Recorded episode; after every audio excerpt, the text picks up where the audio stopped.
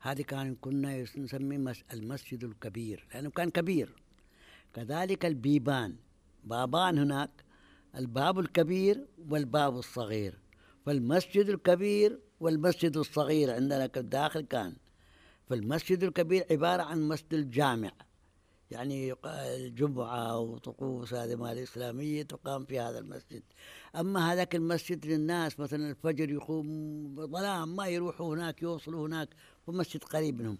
هذا المسجد الداخلي الحين سمي مسجد خديجة بنت خويلد.